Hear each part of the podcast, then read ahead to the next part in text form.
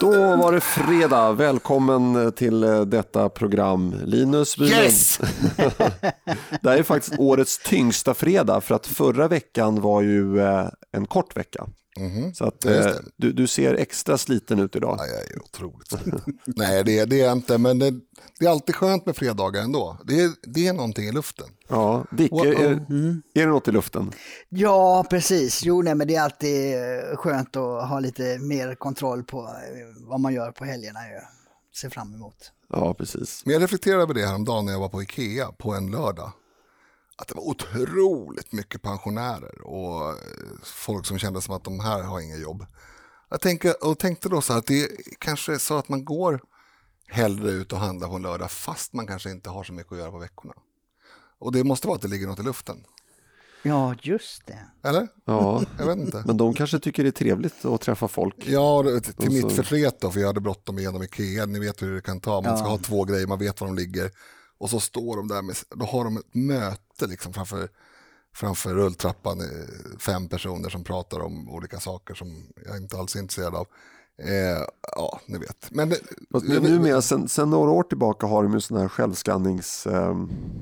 Ja. stationer. jo, men det var I inte... alla fall i Kungens Kurva. Ja, det hjälpte inte så mycket. Och då kan man alltid, om man, om man har en vänlig framtoning som jag har, Linus, Mm. då kan man alltid fråga någon, hörru du, jag har bara två grejer här, skulle jag kunna scanna Nej, det dem?" var osvenskt. Det gör jag aldrig. Jag Nej. ställer mig i kön. Ja, ja eh, lite reflektioner kring onsdagens podd. Mm, det var ju ganska många ämnen.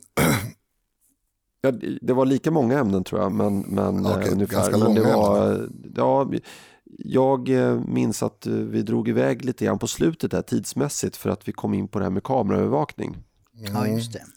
Just det, jag hade ju också två saker som jag sa på min laget runt-grej. Eh, vilket ju tog lite extra tid, så det är lite mitt fel. Ja, nej, det var inte det. Jag bara tog upp eh, liksom höjdpunkterna.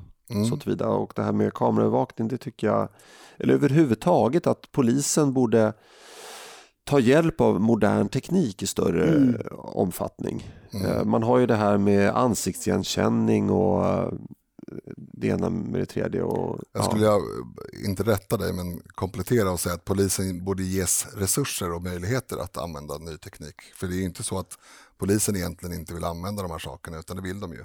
Just det. Men eh, olika lagar står i vägen. Då ska vi eh, gå in på lite bredare frågor som vi, vi lovade i det i onsdagens avsnitt att eh, vi skulle prata om det här med antalet beviljade uppehållstillstånd Mm. Och att 2019 var det femte mest omfattande året Ja, någonsin. någonsin. ja. Ja. Ehm, det var ju en nyhet som du tog upp på samtiden. Kan, kan du först rabbla lite fakta? Vad, vad, vad, är, vad består de här människorna av? Är det asylinvandrare, arbetskraft? Ja, just det. ja. Det är hela, eh, hela gruppen så att säga. Jo, anledningen till att jag har gjort det under, eh, jag började med det under 2019 då, är ju att medierna gärna har bara velat ta upp den andel som är asylsökande som har fått uppehållstillstånd. Och den har ju gått ner då. Men, men istället så har då anhörig invandrarna gått upp kraftigt och, och utav de som, det var ju alltså 100, 2019 var det alltså 190 119 568 som fick uppehållstillstånd i Sverige, stort som eh, ett Lund alltså. Utav dem så var det då för, drygt 48 000 som var anhöriginvandrare. Mm. Eh, och det som har ökat också är, är arbetskraftsinvandrare och då, där har man ju diskuterat om att en hel del som får avslag på asyl, för där har ju en del skärpningar skett. De går över i, i ett annat spår, som man kallar det då, det vill säga arbetskraftsinvandring. Och där räcker det ju med att ett brevlådeföretag utfärdar ett, ett intyg mot betalning förmodligen, om att eh, de behöver eh, den här personen som arbetskraft. Och då får man uppehållstillstånd som arbetskraftsinvandrare.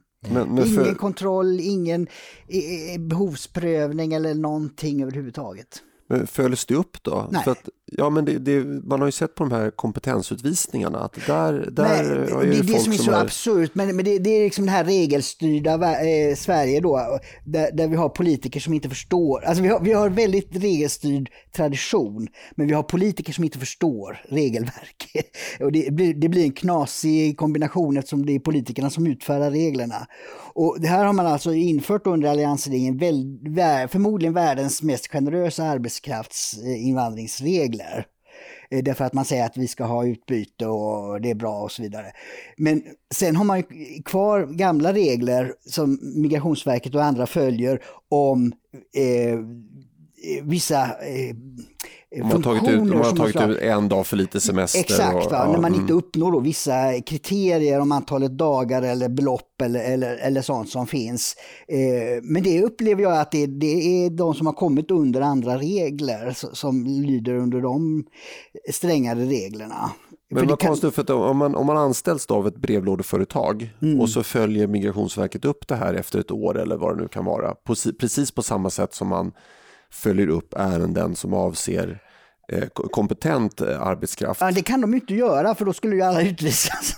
för då ligger Ja. de ju förmodligen på väldigt låga löner eller, eller får betalt svart eller eh, ja, är papper, alltså lever som papperslösa. Så, att. Det, så det, det är någonting här som skaver med, med de här kom, kompetens Eh, personerna som, som ju då Migrationsverket ger sig på då, som eh, absolut inte är någon belastning eh, för, för välfärdssystemen. Men, men kan det vara så att när man verkligen har goda avsikter för, ska man sin, för sin arbetsinvandring, då kanske man laglydigt fyller i en blankett och Mm. Ja. Mm. ansöker om förnyad eh, period. Just det, så kan det vara också. Precis. Eh, ja, Den som följer reglerna straffas och den Ja. som inte följer reglerna premieras. Ja. Det är ju tyvärr så. Det, Inte regelmässigt men det är tyvärr alldeles för ofta så. mm. Eh, sen skulle jag vilja återknyta till det här med, jag har haft diskussionen uppe både i onsdags men också tidigare att det finns när man väl har kommit till Sverige och fått uppehållstillstånd och etablerat sig på något sätt. Det räcker ju med att man liksom har bott i en stad i några år och så vidare så det är ganska lätt att hålla sig undan även om man skulle förlora det här eh, rätten att vistas i Sverige Ja. eftersom vi inte har någon koll. Vi har ju noll koll. mm.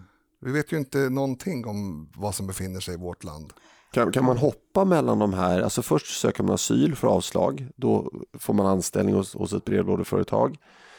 Eh, och när man har då hållit sig under radarn i ytterligare vad det, tre år eller något sånt där. det, jag vet inte. eh, Det var ju någon som eh, dömdes för någonting här som eh, som avslöjades att han kom hit som eh, anhörig eh, och levde med sina föräldrar men, men kom ihop sig med dem och då gick han till in, in, in, Migrationsverket och, och ansökte om nytt uppehållstillstånd som ensamkommande.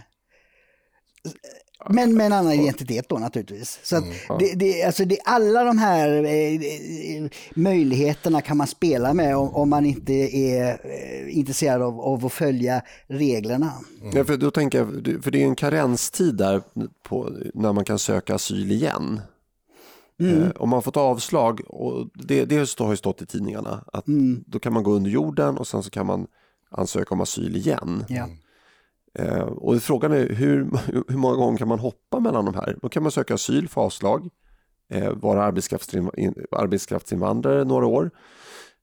Sen kan man söka asyl igen Mm. eh, och, och ja, hålla Ja, på och det finns säkert goda möjligheter att köpa ett samordningsnummer. Alltså om det finns människor med åtta samordningsnummer, vilket är det som har uppdagats, det finns säkert de med fler i värsta fall, då är det klart att det finns samordningsnummer till salu. Det räcker ju med att man är någorlunda lik och någorlunda samma ålder så är det bara att säga det här är du. Fast, fast har, har man per automatik eh, uppehållstillstånd om man har ett samordningsnummer?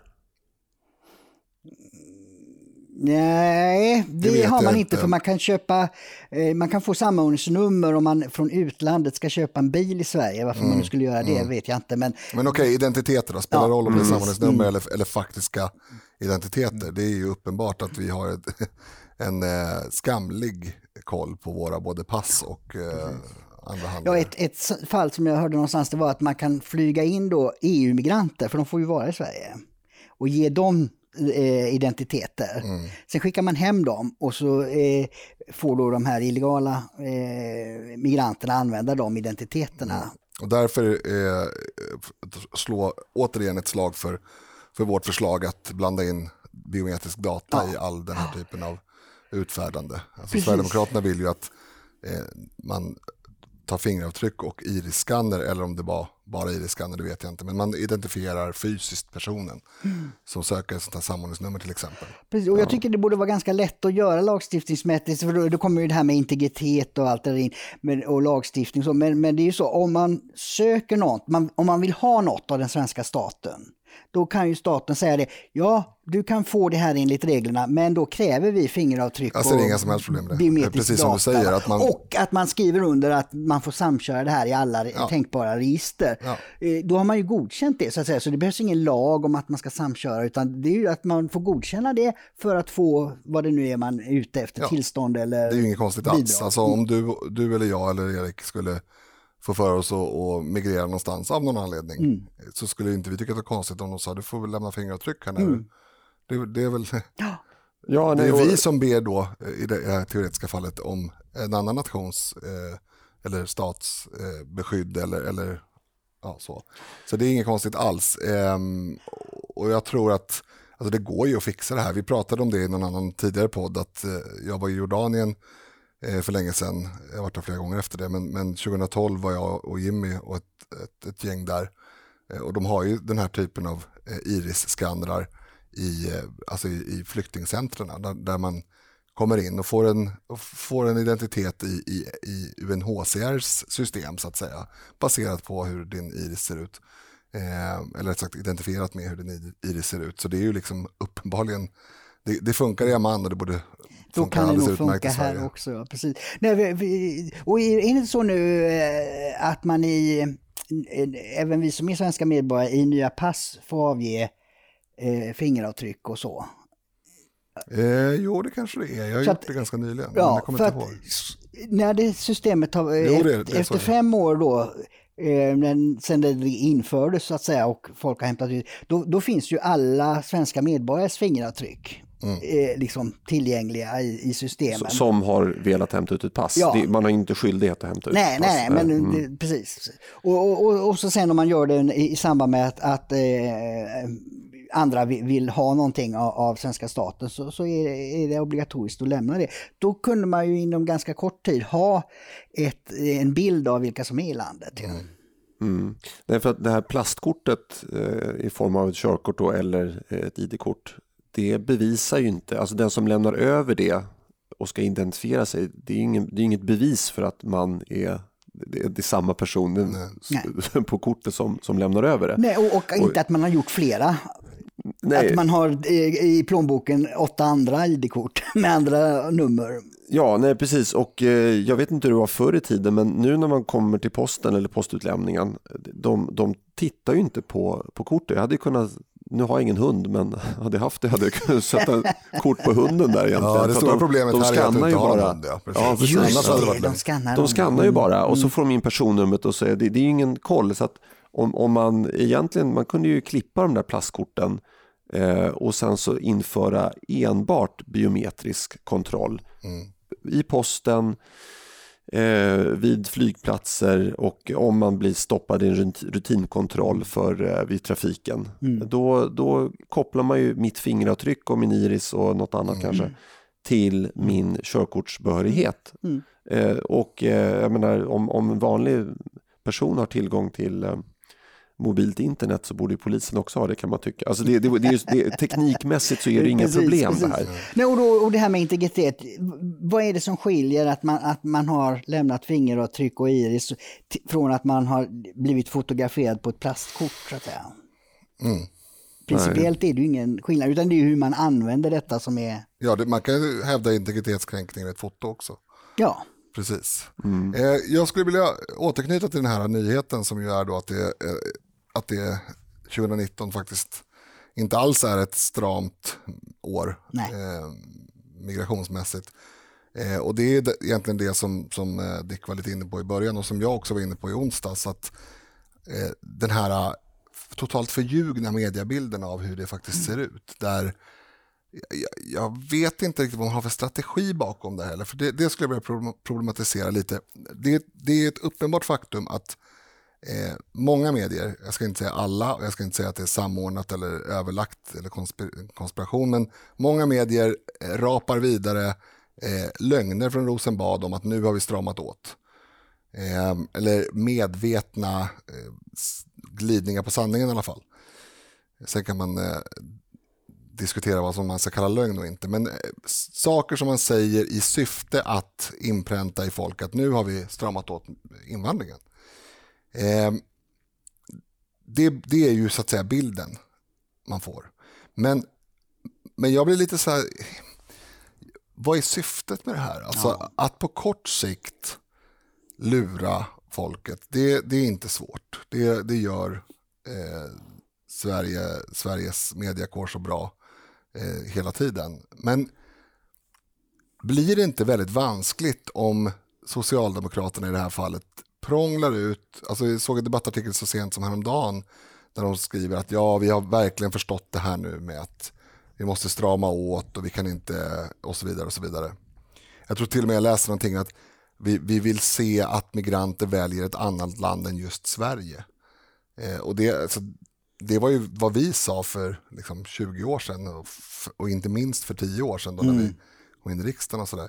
Eh, och det kommer man liksom undan med trots att man, trots att man är i regeringsställning och verkligen inte gör någonting som har någon, någon eh, faktisk eh, påverkan på antalet så kommer man undan med det. Och jag tänker, hur länge tror man att man ska kunna göra det här? Ja, alltså det, det är ju det är nu, tycker jag, på någonting som är, är egentligen grunden till hela den situation vi har idag. Mm. Det är liksom, varför låter man, för det har ju varit alltså över eh, över, eller runt 100 000 per år som har kommit sen, eh, åtminstone sedan år 2000. 100 000 per år. Alltså eh, en, en stad som Borås då ungefär, va? varje år. De som har tillåtit vad har de tänkt att dessa ska människor ska bo? Mm. Vad har man tänkt att dessa människor ska jobba? Vad har man tänkt att dessa människor ska ha, om det, det, det är unga, vad de ska gå i skolan och så vidare. Alltså, det jag framförallt har reagerat på och som jag själv då inte fattade under de år jag röstade på Alliansen, är liksom att det har inte funnits någon plan Nej. överhuvudtaget. Utan det är bara ett godhetsbevis eh, man skaffar sig genom att säga att man är för mm. eh, generös invandring. Och det är ju inte ens det. Det vill också så tydligt poängtera att de pengar som Sverige har lagt på de här 1,2 miljoner människorna nu senaste tioårsperioden. Mm. Att lyfta dem till någon sorts svensk levnadsstandard från vad, vad de nu haft, naturligtvis varierande, men ändå eh, lägre levnadsstandard i, i, i, sina tidigare hemländer. Om man hade lagt de pengarna mm. på att hjälpa människor i flyktinglägren, i Amman, i Libanon, eh, andra ställen i Jordanien än Amman och så vidare. Då hade man ju hjälpt många, många fler.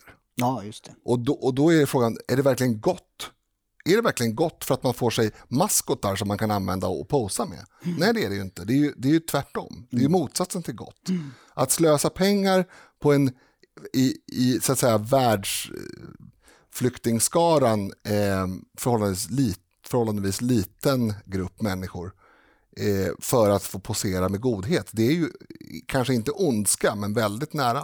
Men alltså, det, det, den motiveringen kan man ju bara ha om man välkomnar asylinvandrare för då finns den här aspekten att vi hjälper. Ja, det är klart att det är, det är de som kommer hit via asylinvandring. Det är väl klart att det är bättre för de personerna. Det, det, nu pratar jag om din maskot här. Mm. Att, åh, åh, vad fint, nu fick den här personen en, en lägenhet här i den här eh, lilla hålan i Småland liksom, och där kan eh, han bo eller hon eller familjen bo och, och, barnen gå på förskolan. Jo, det är klart att det är en finare tillvaro än om man bor i ett flyktingläger i Amman. Mm. Så där kan jag förstå något sorts överdrivet godhetsknarkande då. Att ja, men det är bättre att hjälpa en familj till någon sorts lyxtillvaro än att man hjälper 500 familjer eh, rädda livet på dem. Jag, jag, jag kan ändå förstå men, tanken. Kan du tro någon som på allvar skulle tycka det? Ja, men jag, kan, jag kan förstå symboliskt, men det, det, här, det, var ju, det var det här vi pratade om med Lamotte när han är ute och filmar hur det faktiskt ser ut i Kronogården. Mm. Och den här bilden på den här, upp, den här ungen som spolades upp på stranden. Mm. Alltså, det är väldigt lätt att visa att den här familjen har det bra här i Sverige. Jo, jag, jag måste... men, men, men, men, man kan inte visa att ja, här är 500 familjer som har dött. För man kan aldrig koppla det på så sätt. Man kan Nej, aldrig att liksom man säga att inte har givit de pengarna. Nej, Det- exakt. Det här har att göra med att vi gav den här familjen lägenhet i Småland eh, har direkt resulterat i att de här 500 personerna har dött av svält i Jemen. Nej, Det- den men går inte att däremot så kan man, bara för att göra en liten krusidull på det här, säga att Allan som låg på, på stranden var eh, åtminstone delvis en direkt konsekvens av svensk migrationspolitik, för vi lockar människor över Medelhavet. Ja, för man måste över för att kunna söka asyl. Ja, Ja, Man- ja men absolut. Ja, men jag, men jag, jag, jag, förstår det rationellt. har- jag, har en- liksom, mm. jag tycker så här, jag, jag vill göra det enkelt för mig i det här fallet. Om man tycker saker om politiska ämnen, då får man faktiskt förstå att man, är poli- att man tycker politiska saker. Och då måste man ta bort den här trasiga liksom, delen av hjärnan som inte kan skilja på det här. Alltså man har ju någon typ av svår defekt på den, den liksom, vad ska vi säga, ehm, empatiska delen av hjärnan om man föredrar en inom citationstecken maskot framför hundra som man inte kan se. Precis, det- Då, har man ju, då har man ju något logiskt fel som man inte kan hantera uppe i sitt huvud. Ja, men så så är här, jag, jag, jag tycker man har ett logiskt fel bara man röstar vänster. Men, men nu, nu är det Nej, faktiskt nej, så att det menar finns allvar, någon alltså, som gör det. det är- Nu avbryter du, nu är det Dicks tur. Ja, men- här. Men- men alltså, jag är med i Erik här för att det är så att det handlar inte om logik. Migrationspolitik handlar inte till en procent om logik. Nej, det vet jag. Utan det är 100 procent känsla. Det, det vet jag. Och det, 100% det är det jag vill och det- angripa här. Och det, det, det som Jonas Sjöstedt och, och, och hela borgerligheten sen sprang efter var ju att vi delar ut gosedjur på järnvägsstationerna när, när den här eh, eh, vågen kom 2015 och delar ut kaffe. eh, Och det är så stort, det är så civilsamhället ställer upp här, man, man kommer med termosar med kaffe till de som kliver av tåget på Göteborg och Malmö och Stockholms central. Och därmed ansåg man, oh, då, man hade då bringat sig själv eh, sin behov av att visa godhet. Men man hade inte tänkt på att de här människorna, eh, om de är då 15-16 år, de ska ju bo 60 år i Sverige. Och hur ska de klara det? Så att även Erik, om, om, om man har den tanken att det här är mer konkret, att familjen eller personen bor i, i Småland och, och, och i en lägenhet. Ja, men man ser ju inte till att bygga lägenheter för de som man har beviljat uppehållstillstånd. Det är 119 000 nu 2019. Hur många lägenheter byggdes i Sverige? Det, det går ner. Ja. Så att politiken har liksom inte ett enda logiskt moment Ja, men det är ju det jag vill säga. Jag tycker att det är helt orimligt att vi har en debattordning där människor som eh, tycker saker på en liten höft har, har liksom någon sorts legitimitet i vad de säger. Truten på dig, operasångare eller komiker eller vad fan är. Truten, sjung din sång, eh, sketcha din sketch. Och om du ska ge dig in i politiken, se till att ha på fötterna, se till att ta ansvar för vad du ställer till med. Se till att ha logiska argument för det som du förordar. Därför att idag är det så att, som ni vet, så, så är det liksom Kjell Bergqvist och andra som är ute och tycker en massa saker. De har ingen som helst ansvar för någonting. Men det- men det- det- Ingen logiskt tänkande, bara positionering. Men de kan ju egentligen göra det, för de har ju som sagt Ja, inget- alltså det är ju- men, Utan det är ju det att politikerna låter dem styra vad politiken gör. Ja, och och det, framförallt så låter media dem bli en bild. Och det var, det, jag, det var det jag ville säga, att när människor eh, yppar politiska åsikter så bör den första reaktionen vara så här, vänta nu här. Det där är ju, en- det där är en politisk åsikt som du yppar av känsloskäl. Det- Vi borde ha ett stoppord mot den typen av trams. Men man borde ju ha liksom, eh, eh, man borde stå för konsekvenserna av de förslag man lägger. Ja. För så tror jag det var när, när, när jag var ung på, på 70-talet. De, de politiker som fanns då eh, tror jag aldrig skulle agerat som man gjort i Sverige de senaste 30 åren faktiskt. Utan de hade sagt så här, okej, ska vi ta hit 100 000 människor som inte har någon förankring här överhuvudtaget, eh, då måste vi först eh, bygga hus, vi måste bygga avlopp, vi måste, ja, alltså de, de hade direkt gått över till, om vi ska göra det här, vad krävs då? Och det gör inte dagens politikergeneration, utan de nöjer sig med det här jävla känsloutsvallet, känslosvallet och, och, och tycker sig själva vara så otroligt goda. Men när de skapar en misär, inte bara för de som kommer, utan för alla som drabbas av de här brotten som sker, sprängningarna och, och den enorma otrygghet som nu sprider sig i landet. Så, så det är liksom, migrationspolitiken har blivit något, en känslosvulst i, i det svenska samhället som bara blir värre och värre och där, där liksom ingen eh, annat än då, det är väl Sverigedemokraterna som har varit undantaget där, kräver, ja men vad är konsekvensen av det man gör? Ja, men, men det, man, man, har en antiintellektuell ansats ja, här. För att ja. man säger då att ja, men, vi måste hedra asylrätten. Mm. Och då kan i, i princip, ja men Sverige brinner ju. Eh, det är ju tusen människor eh, mördas här av, av, på gatorna varje dag som en konsekvens, om man nu skulle kunna bevisa det, vi låter mm. vi leka med tanken. Mm. Men, men då skulle politikerna, så, ja det spelar ingen roll, därför att vi vill hedra asylrätten. Och det är en antiintellektuell ansats till problemet. Man, man är inte beredd att diskutera konsekvenserna av sina Nej, beslut. Man gömmer sig bakom, man gömmer sig bakom en ansats. Dessutom falska, ja. falska mm. fasader därför att det finns ju uppenbarligen andra länder som, som hanterar det här på ett annat sätt. Jag, ja. Vi har pratat om det förut, man skulle kunna ha man skulle teoretiskt kunna ha nuvarande eh, asyllagstiftning men tillse att det inte var attraktivt att ta sig över Medelhavet och bosätta sig i en, i en segregerad förort till Stockholm därför att man fick inga pengar. Det, var inte, liksom, det finns ingen lockbete längre. Det är ett lockbete. Vi har, en, vi har ett välfärdssystem som utgör ett lockbete för människor att ta sig från, från eh, Nordafrika eller Mellanöstern till Sverige. Mm.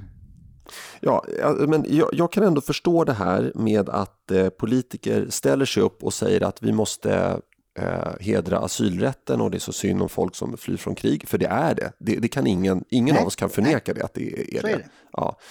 Eh, men varför gömmer man undan den här arbetskraftsinvandringen? För att man, det här tror jag, ändå, jag, jag tror ändå på att eh, även de eh, gökpartierna att de ändå är hyfsat normalbegåvade ändå. Så att de måste ju förstå att tar man in folk, ger dem uppehållstillstånd som blir anställda av brevlådeföretag, det blir inget bra. Jag tror inte att, jag tror inte att arbetslösheten går ner. Jag tror inte att brottsligheten går ner. Eh, jag tror inte att belastningen på sjukvården går ner, belastningen på polisen går ner. Alltså, eh, att det, här, det, här, det här tror jag nog ändå att de förstår. Nej, alltså, alltså, det är ju det som ligger bakom det Löfven sa, att vi, vi har nog varit naiva, eller vi såg inte detta komma. Det, de har inte tänkt. De har inte tänkt. De har alltså, bara känt. De har känt säga... att det här är gott. Jo, jo men det, det här är min distinktion här. Ja. Alltså att, att, att hedra asylrätten, det kan någonstans vara gott. Mm. Fast det kan ju men, inte det. Nej men... kan, kan man stänga av din kanal här tillfälligtvis? Nej, men, alltså, jag, jag, kan ändå förstå att de kan kommunicera det i syfte att eh, attrahera, attrahera godhetsknarkande väljare. Mm, ja. Okay. Men eh, varför eh, har de släppt på den här arbetskraftsinvandringskranen? För att de kan aldrig ställa sig så här, ah, det är så synd om de här människorna som eh, har ett väldigt lågbetalt arbete hemma men här kommer de till ett ja, också lågbetalt arbete. Mm. Alltså, den aspekten att, att det är synd om folk och att de, de flyr för sina liv, den finns ju inte när det gäller arbetskraftsinvandringen. Nej, ja. Nej, det så ju, varför har de släppt på den här kranen? Det, det tror jag det är globaliseringen eh, hos, hos eh, allianspartierna under eh, ja, den regeringsperiod vi hade där 2006 till, till 14 att man, man såg det som eh, modernt att eh, arbetsmarknaden ska vara så öppen som möjligt. Så att säga. Man, man tänkte inte på att ja, men de som eh, utnyttjar den här öppenheten är kanske de eh, som inte man vill ha egentligen. Fast det gjorde man nog visst, åtminstone Reinfeldt. Det var ju tydligt i så att säga, efterspelet att han körde ju brända jordens taktik. Han ville ju bränna. Liksom. Han ville ju sabba. Eh, ja, det är uppenbart att, att Fredrik Reinfeldt hatar nationalstaten Sverige. Det fanns alltså, en, det fanns en eh, tydlig plan med att, att använda eh, arbetskraftsinvandring utan krav på kompetens. Det förstår ju, det förstår ju vilken liksom, Reinfeldist som helst att det är ju bara ett svepskäl för att öppna gränserna på vid gavel. Alltså eh, kompetensnivå, kan du, kan du vända på en hamburgare så får du komma till Sverige. Eh, det, det, var ju, det var ju den nivån det var. Ja, men då borde man ju ha förstått att en hel del av de som kommer kanske hamnar i kriminalitet och ja, i, i, i, utanförskap och så. Det, och det ger ju, som vi ser nu, det ger ju inte väljartillskott så att säga, Nej. när man skapar ett samhälle med, med kriminalitet. Men det är väl mycket som politiker gör som, som i retrospekt är helt galet, inte minst eh, herr, herr Fredrik Reinfeldt. Eh, Nej, han är det, svår att förstå. Det finns ju många exempel. Så det, det, att, det, att, det är logiskt, o, o, att det är ologiskt är inte betyder ju inte att det inte stämmer. Nej, men, alltså, Men, men jag vill bara säga eh, angående eh, det här med de olika spåren. Alltså, är det inte så även idag att man vill, man vill i princip ha den här generösa migrationen men, men man vill också signalera att man stramar åt och då öppnar man arbetskraftsinvandringskranen. För då får man ju så att säga, då ser ju, då ser ju ens förtrogna, titta här, det är ju samma person. Jo men, jo, men frågan är varför vill man ha den här eh, höga eh, invandringen? Alltså, jag, jag ger mig tusan på att Sveavägen 68, där sitter ändå några skarphuvuden som inser att den här migrationen har varit till väldigt stor nackdel för op, eh, Socialdemokraternas opinionssiffror. Eller vad tror du Linus? Jag tror så här, och jag, det kanske märkte nyss att jag tappade tråden lite och det var för att jag faktiskt gjorde det. Och det jag hade tänkt säga och som, som eh, fanns i huvudet var ett svar på det du sa om att, att de inte är helt dumma i huvudet. Du tog allianspartierna då som exempel, nu tar du sossarna som exempel, de är inte helt dumma i huvudet. Eh, och då vill jag säga att eh, nej och ja, jo det är de. Därför att jag är helt övertygad om att, att politisk korrekthet och eh, fingerpekande och byggande av eh, halmgubbar och nonsensargument mot dina politiska motståndare, byggande av eh, nonsensfördelar med din egen eh, politik och så vidare, det gör folk dumma i huvudet. Att de inte är dumma i huvudet från början, det håller jag med om. Det här är oftast som individer jäkligt smarta människor.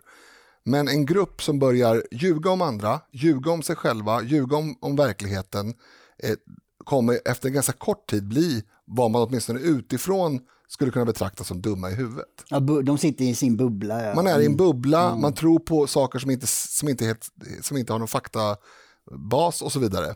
Utan allt är byggt på floskler och fula ord. Det är klart att det blir dumt, även om det är logiskt i, i så att säga, den personens huvud eller den organisationens huvud. Dick? Jo, alltså, eh, och, och skälet till att de kan hamna i den bubblan tror jag är, om man går ner till ett ännu mer grundläggande eh, perspektiv, är att man är öppen för utopism. Alltså att idéerna, tankarna, är viktigare än vad som verkligen går att genomföra. Och det är också någonting nytt för, för nuvarande politikergeneration som inte alls stämmer med de som byggde folkhemmet och, och välfärdsstaten. För de var det, som jag har sagt många gånger, liksom, det var väg och vatten och avlopp och, och liksom ordna saker så att det fungerar. Och det är ju verkligheten, så att säga, var, var det för dem. Medan dagens politikergeneration i de här partierna, där är det just idéerna som är fina. Det är idéerna man ska, ska upprätthålla och idéerna man ska försvara. Sen hur mycket de hänger ihop med verkligheten, det är en andrahandsfråga. Mm. Så tror jag det är. Mm. Alltså rent eh, strukturmässigt ser det ut i deras hjärnor. Jo, men det, det, det, här har, det är ju ungefär samma sida, eller eh, samma mynt, liksom, olika sidor bara. Att eh, man eh, har en antiintellektuell insats, eh, ansats. De anser ju inte att de är det själva. Nej, eh, anser inte vadå? Att, att de är antiintellektuella. De, de anser ju eh, att, att de är väldigt ja, organiserade. Ja, men, men har man en utopi och håller fast med den, då, då är man ju inte intellektuell därför att då gräver man inte ner och, och dissekerar problemet och tittar på konsekvenserna av, av sina förslag och, och så vidare. Så det, jag tror att det är, det är ungefär samma sak, men det, det, är, det är helt riktigt. Man, man, man har en utopi om hur Sverige kommer se ut eh, och ska se ut och så blundar man för hur verkligheten är. För att, ja. Och låt säga nu att, att Reinfeldt-regeringen hade eh, infört eh, vad heter det, eh, generösa eh, villkor för arbetskraftsinvandring. Ja, Stefan Löfven har suttit sedan 2014. Mm. Och om han och hans eh, strateger på Sveavägen 68 hade insett, vilket jag tror att de har gjort, men de, de har insett att den här migrationen har, oavsett om det är asylmigration eller, eller invandring av lågkvalitativ arbetskraft om man säger så, att den har påverkat Socialdemokraternas möjligheter att regera landet framöver. Mm. Har de inte dragit den slutsatsen, då, då eh, får jag äta upp min gamla hatt. Alltså. Mm. så att det, det, tror jag att de har gjort. De slåss men varför, men, var, ja, men varför eh, det är väldigt enkelt att, att ändra lagstiftning på det här området. Eh, ja, men det vet du ju varför. Därför att någon gång eh, i början av 90-talet Eh, när röster höjdes, inte minst Sverigedemokraterna, men även andra, eh, även enskilda personer i partierna och så vidare. Ny demokrati. Mot, eh, ja, Ny demokrati fanns ju där också, sabbade lite, vi pratade om någon gång. Eh, mot, eh, när, när röster höjdes mot migration som, som någon sorts bra koncept, eh, vilket ju inte är, så valde man den fega, fula vägen. Att istället för att diskutera de här frågorna så valde man att peka finger och kalla fula ord. Och det var liksom det som fick den här snöbollen i rullning. Och, och en, alltså det är lite som när man ljuger, man snärjer in sig. Och samma sak är det här. Man liksom flosklar in sig. Så det börjar med att, det börjar säkert tidigare, jag ska inte säga att det började i början av 90-talet. Det var då jag blev, blev liksom vuxen, eller det blev jag inte ens då, men ni fattar vad jag menar. eh, det, det, kan mycket väl ha börjat ännu tidigare med förnekande av någon annan grupps rätt att, att eh, tycka någonting. Men, men det började där någonstans eh, och sen har det liksom rullat på. Och har man flosklat in sig i ett, på ett, en fråga, ja, då kan man floskla in sig på nästa. Sen kan man floskla ihop vad ens egen politik leder till trots att det inte stämmer. Sen kan man floskla ihop det ena och det andra. Och det är en sorts väv av lögner, fast i det här fallet floskler, som angränsar till lögner naturligtvis.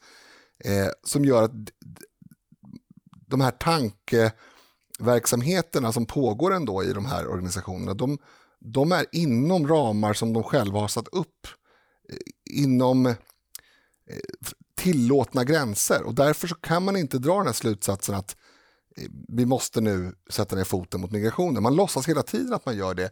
Jag googlade här nu, som jag sa eh, innan, innan både onsdagens sändning och, och idag, eh, att eh, Socialdemokraterna har alltså gått ut såklart så, ja, ni kommer ju alla ihåg hur det lät under eh, den så kallade flyktingkrisen. Då, var det inte, då fick man absolut inte säga att det här var dåligt eller någonting. Men, men ganska kort därefter så började Socialdemokraterna, framförallt eh, så började det koka inom LO eh, såklart eftersom det, de som drabbas först av massmigration är ju de som eh, ja, arbetar helt enkelt. Därför att det finns ju människor i de här grupperna som vill ha jobb.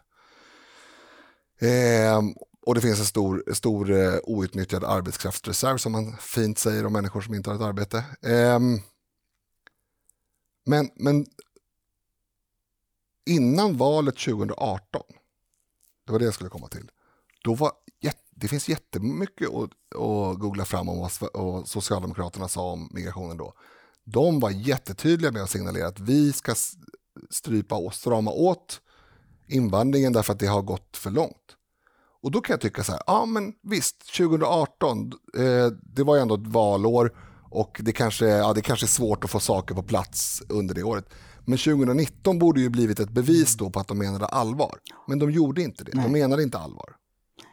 Nej, för visst, alltså, um, om man nu ska ta en uh, gemensam nämnare för uh, asylinvandringen och den här typen av arbetskraftsinvandring vi har. Alltså, jag, oavsett liksom vad man har för partifärg, så jag personligen är ju helt övertygad om att vi måste stryka ett streck över asylrätten som den ser ut idag. Alternativt tolka den mycket, mycket striktare. Och det är av den enkla anledningen att vi vet inte vem vi välkomnar. De kan slänga, de kan säga, om de bara kan göra gällande att de kommer från en, ett krigsområde så kan personen i fråga vara pedofil, analfabet, eh, småkriminell, ha en gravt skev kvinnosyn och så vidare. Terrorist. Det, det, ja, terrorist. Det kan vara en person som vi absolut inte vill ha in i Sverige. Mm. I, I alla fall inte jag. Och det är därför asylrätten är fel i sin konstruktion. Men eh, en, gemensam nämnare med den här typen av arbetskraftsinvandring är att vi, Sverige, vad jag förstår, ni, ni, får säga emot mig här då, men vad jag förstår så gör man inte någon grundläggande kontroll vilken typ av människa man eh, välkomnar till arbetskrafts, som arbetskraftsinvandrare. Till exempel begär Sverige ett utdrag ur eh, belastningsregistret från den här personens hemland. Du Nej, det skulle jag inte tro. Och kommer de från Syrien så är det ganska svårt tror jag. Ja, eller Somalia. ja, precis. Alltså det, det... Så, så det, det, är i princip samma, det, det, kan vara samma, exakt samma typ av, typ av nu jag kan uttrycka mig, nu, nu väger jag inte varje, varje ord på guldvåg här, men, men det, det kan vara som vi sa tidigare då, exakt mm. samma person. Mm. Och när man ser då att det har gått så fullständigt fel med den höga asylinvandringen, mm. hur kan man då tro att det ska bli någon skillnad med arbetskraftsinvandringen. Ja, det är, bort, Nej, det är det- bortom vad jag kan förstå faktiskt. Nej, utan jag, jag, jag tror att de, de pressas, inte minst so- sossarna pressas av sina medlemmar som jag upplever är, är väldigt mycket mer vänster än, än, än vad partiet vill ge sken av så att säga. De Det ansvariga, finns väl både och. ja, precis, men de ansvariga måste hålla en, en, en viss eh, stil i alla fall, men, men de drivs på från vänster. Alltså kritiken tror jag skulle vara hård om man, om man eh, utgår jag ifrån, skulle vilja strypa det här. För LO vill ju det. Men man gör det inte. Och det måste, det måste ju finnas en orsak till varför Socialdemokraterna inte gör det. Jag har en teori. Ja. Eh, det är att eh, det här, de här personerna kan utgöra ett så kallat valboskap framöver. Mm. Eh, är det. men, men, men då vill det ju till att eh, de får medborgarskap hyfsat snabbt. Ja, Fast kommunala röster är också värda någonting. De är också värda någonting, absolut. Då måste man ju bo här i tre år. Va? Ja. Eh, folk, eh, vara folkbokförd i tre år. Eh, så, så är det. Men eh, det, är min, det är min enda slutsats. Att man snabbt som 17 vill ha in de här personerna som medborgare i Sverige. Men det är ju väldigt cyniskt alltså. Eh, för, för har man någon form av känsla för, för det land som man faktiskt styr, då måste man ju inse att det, det kan ju inte vara positivt att välkomna i princip vem som helst utan kontroll och sen ge dem medborgarskap efter fyra, fem år helt utan kontroll. Ja, då blir det ju, Iraks försvarsminister är ju faktiskt svensk medborgare. Just det. Eh, Och om man har missat den kontrollen, då är det, det, det, här, det, det kan vara att det här är faktiskt den, den eh, an- anledningen till att sossarna låter det här fortgå. fortgå. Jag tror inte att det är så konspiratoriskt faktiskt. Men det är klart, det finns säkert med som en parameter att de här grupperna blir ju starka inom Socialdemokraterna eftersom, eftersom ja, av förklarliga skäl. Men det är bara att titta på utanförskapsområdena, där är ju- det är ju 70-80% socialdemokrater. Ja, det är klart. Och vad, vad tror vi om de här som kommer hit? Ja, det är ju, samma sak alltså, om, om de bara pallar sig iväg till valurnan så är det ju stor sannolikhet att de röstar på Men de kan Socialdemokraterna. säkert få lite hjälp också. Eh, Jag skulle vilja säga en sak om eh, asylrätten där. Eh, Det, det var ju så, alltså EU, man kan säga vad man vill om EU, jag kan säga väldigt mycket dåligt om EU. Men när det, när det gäller migrationen och, och, och liksom synen på kommande hot och sådär så, så har EU åtminstone i perioder varit lite nyktrare än Sverige. Eh, bland annat så, så antog man ju då Lissabonfördraget. Nu kan jag inte jag huvudet vilket år, men det är skitsamma. Det slopade man ju sen när eh, Grekland inte pallade med asyltrycket. Eh, men jag, jag skulle vilja säga att asylrätten i kombination med eh, den artikel i Lissabonfördraget som gör gällande att asyl eh, söker man i första säkra land. Alltså de två i kombination är ett hållbart koncept eh, för Sveriges del att anta. Alltså vi, vi har helt liksom all rätt att gå över gränsen och söka asyl för alla norrmän, alla finnar. I förekommande fall baltstaterna beroende på var angreppet kommer ifrån. Tyskland, Danmark och så vidare. Självklart. Alltså, flyr människor över en gräns för att det är katastrof eller krig eller terror eller vad det nu kan vara på andra sidan gränsen, klart att vi ska låta dem komma över, över gränsen. Men och det är det asyl ska handla om. Det betyder ju skydd. Alltså du ska ju få skydd från det du flyr ifrån. Det asyl betyder inte att du ska få ta dig Halva över liksom, ja, inte över halva jordklotet för det var en överdrift, men väldigt, väldigt långt. För att, för att liksom eh, bli försörjd i ett helt annat land. Men om, om Grekland då till exempel är väldigt generösa med det här eh, i kombination med Schengenavtalet där man inte ska ha några Ja, men, inre... vänta, Grekland är inte generösa. Nej men om, Ja, vet, kan, vet du innebörden av ordet om? icke. Nu, nu har jag, varit lite taskig mot Är det du programmet. fredagstrött? Ja. Nej, men då, eh, om, vilket land som helst som tar emot många eh, asylansökningar och ger permanent uppehållstillstånd, kanske till och med- medborgarskap, jag vet inte vad som krävs för att inom Schengen kunna resa fritt. Men i och med att man inte, inom Schengen ska man inte ha någon gränskontroll. Nej, nej, men har man Så- uppehållstillstånd i ett land i Schengen, Ja. då kan man åka till alla. Ja, men du får, inte, du får inte vistas mer än tre månader i ett annat Schengenland. Så att egentligen Nej, är men det inte kan, ändå, det kan ändå bli problem. Eh, Jo, i kombination med slapp lagstiftning Mm. så kan det bli problem. ja. Men okej, men jag, jag, good point ändå med Lissabonfördraget. Där. Jag såg eh, förresten någon på, på Twitter frågade om man kunde söka asyl i Norge efter Östermalmsbombningen. Där. Om det var tillräckligt skäl. för att Det är dessutom utanför Norge. EU. ja, de är ju det. Så att, Man kan ha det som skäl, jag flyr från EU. ja, precis. Ja, Ja, men eh, ska vi ta någon minut om hur man, eller två, hur man kommer, kan komma till rätta med det här? Alltså, det, det finns väl egentligen inga hinder i att återkalla ett eh, uppehållstillstånd som är eh, så- som man har fått då genom eh, ett en, att man har ansökt om arbete.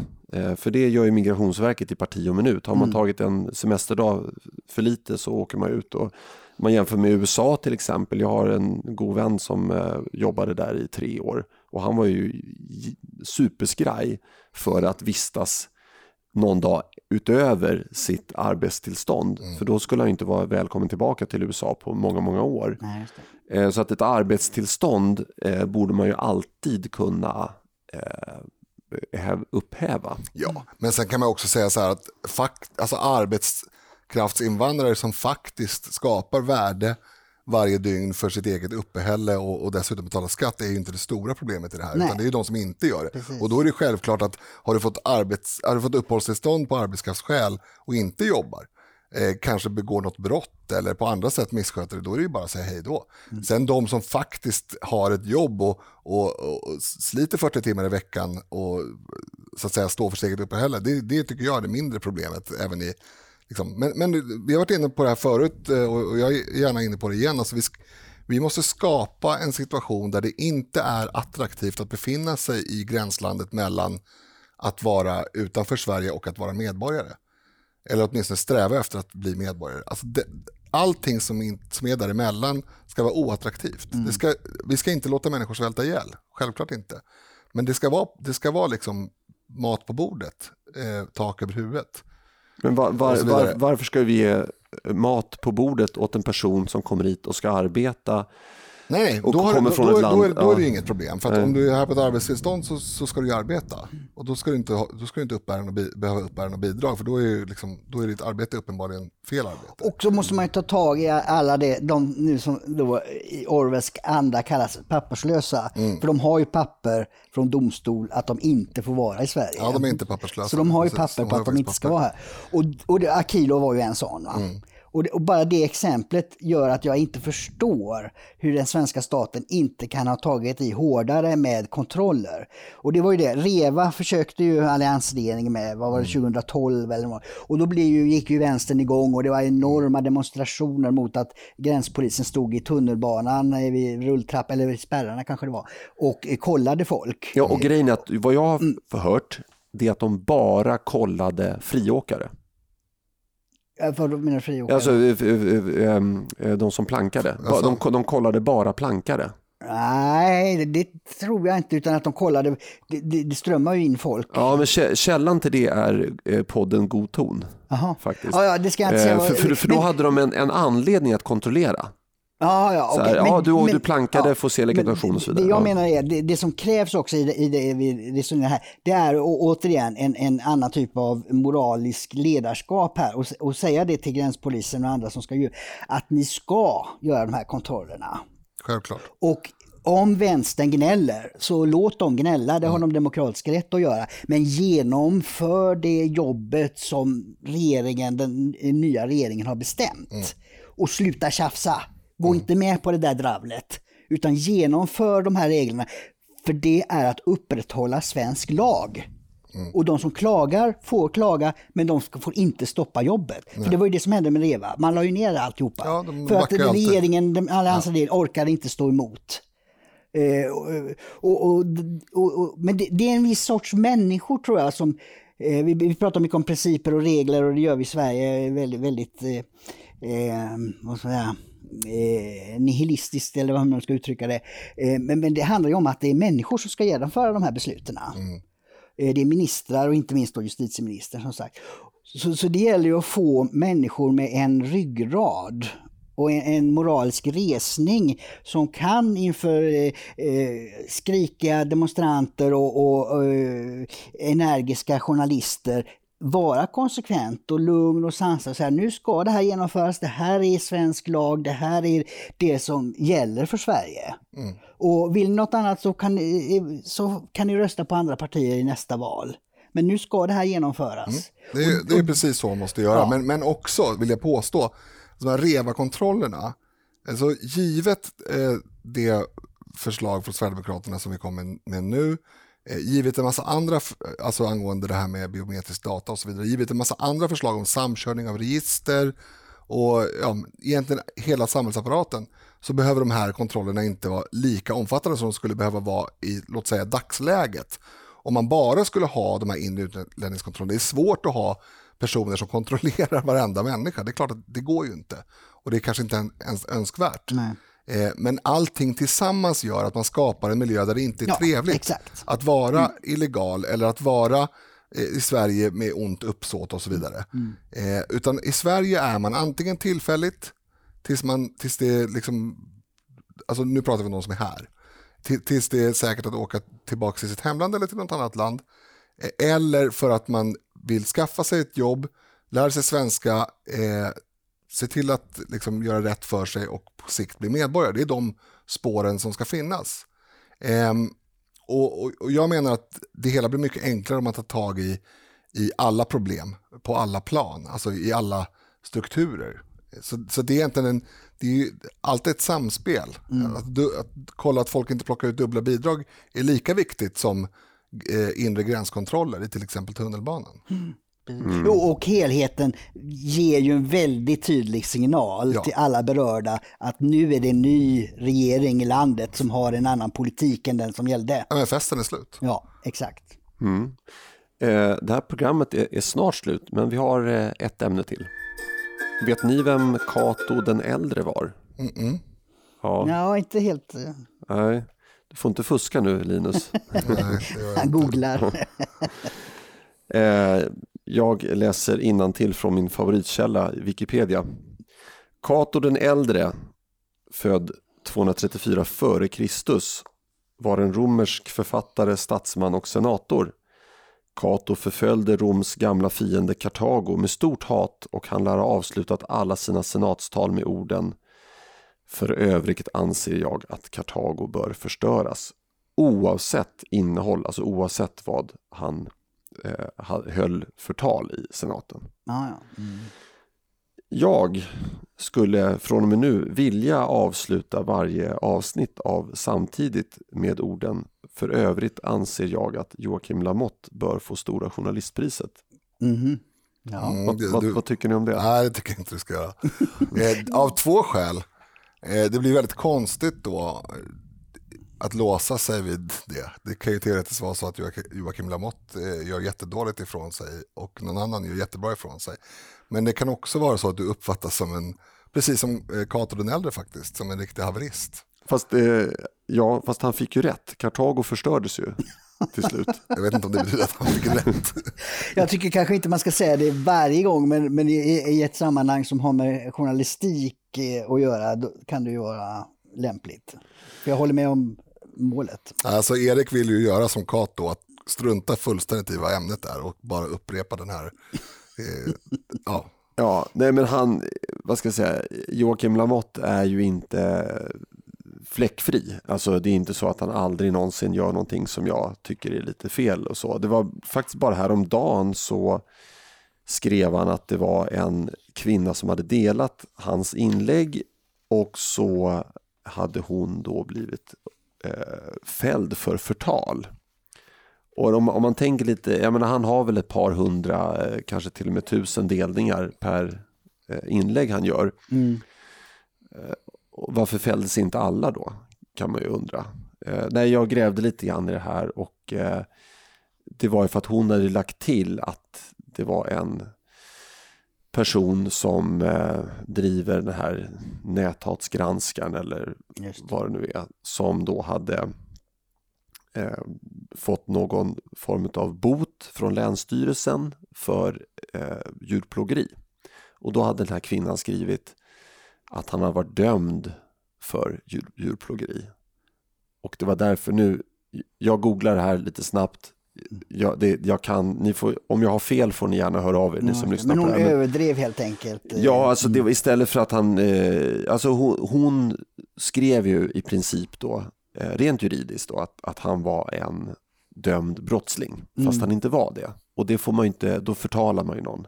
Mm. Men det ligger snubblande nära för att om, jag tror om han hade överklagat den här domen, då hade han ju dömts förmodligen. då. Eh, ursäkta Ja, hårklyveriet, men- men Ja. är det verkligen så? Kan man dömas eh, utan domstol för just djurplågeri? Jag tror att det ligger under brottsbalken. Alltså, är det inte van, vanvård eller något sånt där? Vanskötsel? Ja, det kanske det var. Ja, Ja, eh, för djurplågeri är ju en aktiv handling som syftar till att plåga djur, är det inte så? Ja, och att man har genomfört den Ja, också. Ja, och då, och då Och vite kan man ju inte utdela det, det i är konstigt förväg. att få böter utan rättegång på det. Men, men det kan vara fel också. Jag bara det, det, det, det kan ju vara att han har haft tillstånd av Länsstyrelsen att ha de här djuren och sen har han missbrukat det tillståndet och då får han en eh, Ja, tillsyns... Mm. eh, Ja, det, är ju, det är ju samma sak om man eh, till exempel eh, bygger, säg att man bygger en takkupa på sitt hus eh, utan bygglov. Hans exempel är fantastiska. Ja, ja. Då, då får man, inte, man, man, får ju, man blir inte dömd för byggfel utan man får ju en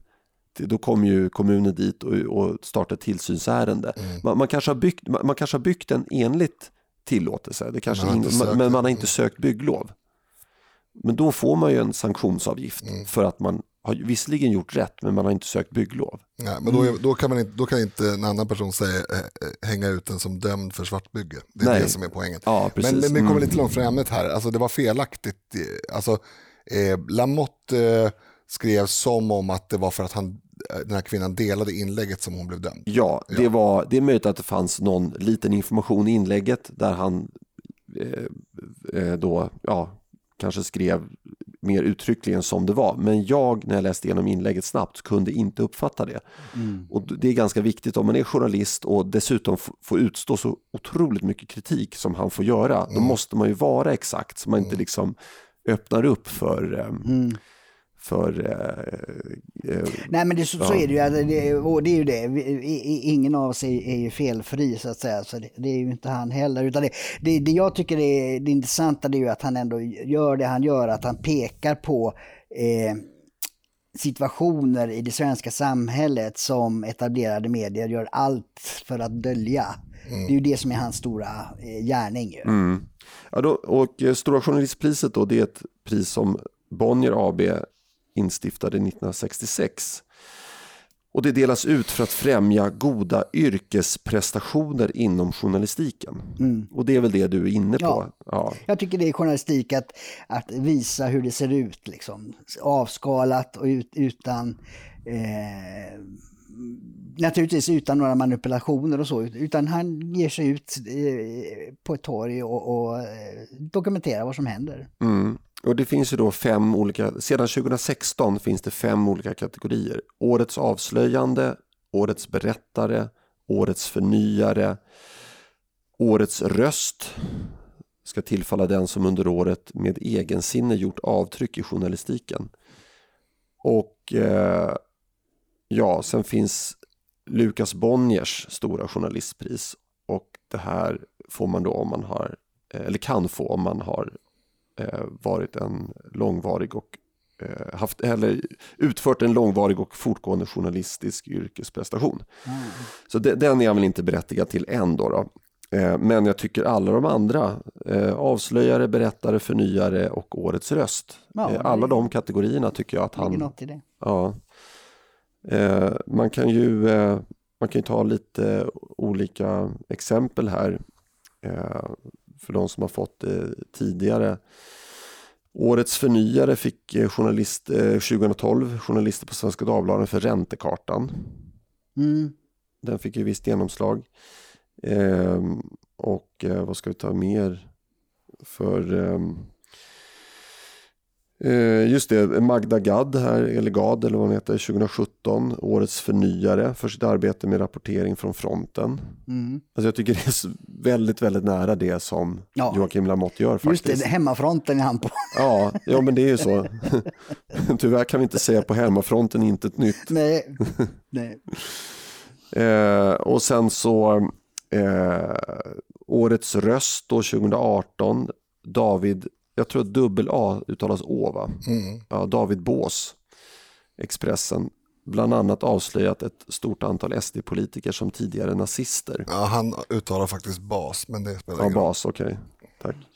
Eh, nej, men menar, en sån nyhet till exempel, ja, eh, hur stort efterspel kommer det få för omvärlden? Kommer, alltså det har inte, sedan dess har ju Sver Sverigedemokraternas opinionsstöd ökat lavinartat.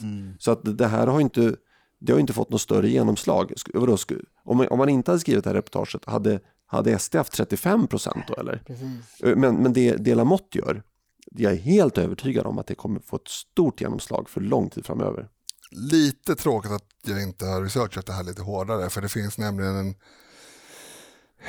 en ehm, pristagare 2013 som ehm, har gjort reportageserien Tiggarna i Stockholm. Det vore intressant att se vad det var för vinkel på den, för det var väl strax därefter som det liksom, den här myten om att det faktiskt var människor, enskilda människor som åkte till Sverige för att tigga, den, den föll. Man hade anklagat oss för att sprida myter och lögner i, i våra kampanjer, att det var organiserat. Sen, ja, nu förstår ju alla att det är organiserat. Det är ju inget, det- är ju konstigare att säga att jorden är platt än att säga att tiggeriet inte är organiserat eh, idag. Det, det skulle vara kul att se hur de här priserna håller sig, alltså står Ja, sig just i det, tid. uppföljningen, precis. Det är Jo, lite, du- som, eh, ja, lite som eh, Nobelpriset, om man tittar på nomin- nominerade genom tiderna så har det ju varit lite si och så med, med hur de har, har hållit eh, i, över tid.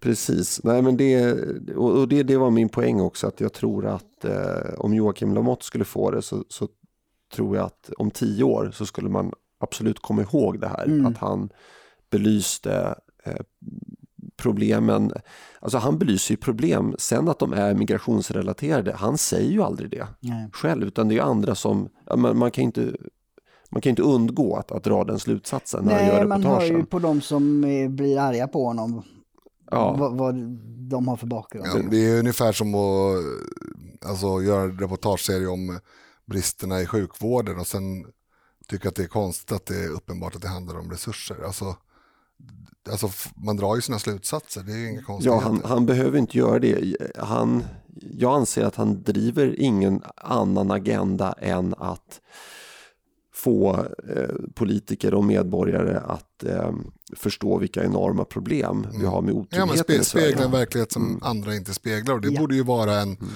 nu är inte han helt ensam på den arenan, men, men han är sorgligt ensam eh, ändå. Mm. Och alltså att spegla en verklighet för de som konsumerar nyheterna, det är ju någonting tyvärr ovanligt i det här landet. Mm. Och det, det, det, precis, det är väldigt sorgligt, för om man tittar på journalistikens historia så har det ju varit att granska makten. Mm. Men i dagens eh, journalistkår och medieredaktioner, de granskar folket. De slickar uppåt och, och slickar uppåt, neråt. ja. Precis. Det, det är väldigt sorgligt. Och det, det är en anledning till polarisering och de problem vi har faktiskt i samhället, är att eh, journalister inte granskar makten. För då hade de kanske tvingats till, vi pratade om konsekvenser här förut, då hade kanske politiker tidigare förstått att man måste ta tag i de konsekvenserna som de beslut man fattar leder till. Ja, men det, La- Lamotte granskar ju inte makten vad jag förstår utan han granskar ju Nej, han- resultatet ja, av ja. det. Ja, Mm. men det är att, alltså att peka på det är ju att ganska makten i någon mening, därför att det är som att säga att kejsaren är naken. Eftersom, eftersom den gängse bilden är att det inte är så illa. Och då att, att klä av liksom. Ehm, ja, Ja, vill du ha sista ordet Linus? Eller näst sista för jag ska ju avsluta. Du ska alltid avsluta. Ja, men jag tänkte säga att en, en eh, ganska intressant, så här, ett intressant skede i svensk journalistik, eh, eller ja, jag vet inte hur jag ska uttrycka det, det, det får ni etikettera efteråt. Men när eh, Miljöpartiet blev en del av riksdags- eller regeringsunderlaget så inträdde ju någonting otroligt intressant för en utomstående som är intresserad av kommunikation och mediehantering. Miljöpartiet eh, hade ju fått frågor i stil med liksom, vilken glass tycker Gustav Fridolin är god? Eh, hur kan ni vara så himla populära?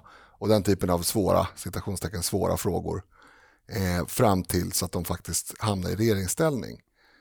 Och då var det till och med för mycket för svenska journalister. Eh, de kunde helt enkelt inte eh, strunta i att ställa Miljöpartiet åtminstone lite mot väggen. Och då blev det motvilligt men ändå lite ja, men det, det, hände en del saker. Vi var inne på det förra, förra podden också här för mig med, med eh, Mehmet Kaplan som ju granskades först efter att alternativmedia hade liksom dragit av brallorna på honom totalt inför, då kunde inte då kunde inte svensk journalistkår blunda längre. Eftersom han var minister så att säga. Ja, och, hade han varit riksdagsledamot hade de kanske struntat Ja, och hade de gjort sitt jobb hade han ju varit avslöjad långt tidigare än ja, så. Dessutom. Men min poäng är i alla fall att det där var ju för Miljöpartiets del en, en långsam, en slow motion filmad katastrofkrasch in i en vägg. Rent liksom bildligt. För de hade ju ingen, inget immunförsvar mot eh, journalistdrev eller alltså, attacker utifrån. För de var ju, de var ju vaggade i bomull mm. i 20 år, 25, 30. Eh, så de var ju helt hudlösa inför den här, att, men vänta nu, journalister ställa frågor som är negativt vinklade mot mitt parti. Så det var ju, det var ju ett spektakel att se och det blev ju också väldigt många roliga, inom citationstecken roliga kanske, eh, eh, intervjuer och, och eh, annat eh, kopplat till det där. Men det är också lite som ett bevis på att man hade helt enkelt inte, eftersom Miljöpartiet så uppenbart inte kunde hantera eh, tämligen, jag ska inte säga enkla, men ändå ganska logiska drev, så, bety- så var det också ett bevis på att man inte hade gjort jobbet innan från svensk journalistkårs sida. Och nu är alla nyfikna på, vad är kopplingen till Lamotte? Eh, men Miljöpartiet har Lamotte bättre. Tack till alla uthålliga lyssnare som har orkat med oss denna fredag. Eller om ni lyssnar på programmet i efterhand, det är förstås fullt tillåtet. Ja. Är det det? Vilken, jag vill säga att jag, jag, ja. jag håller tummarna för att det här avsnittet ska hålla måttet. Ja, nu är det fredag uppenbarligen. Håll, eh, håll snattran mm. hellre. I will.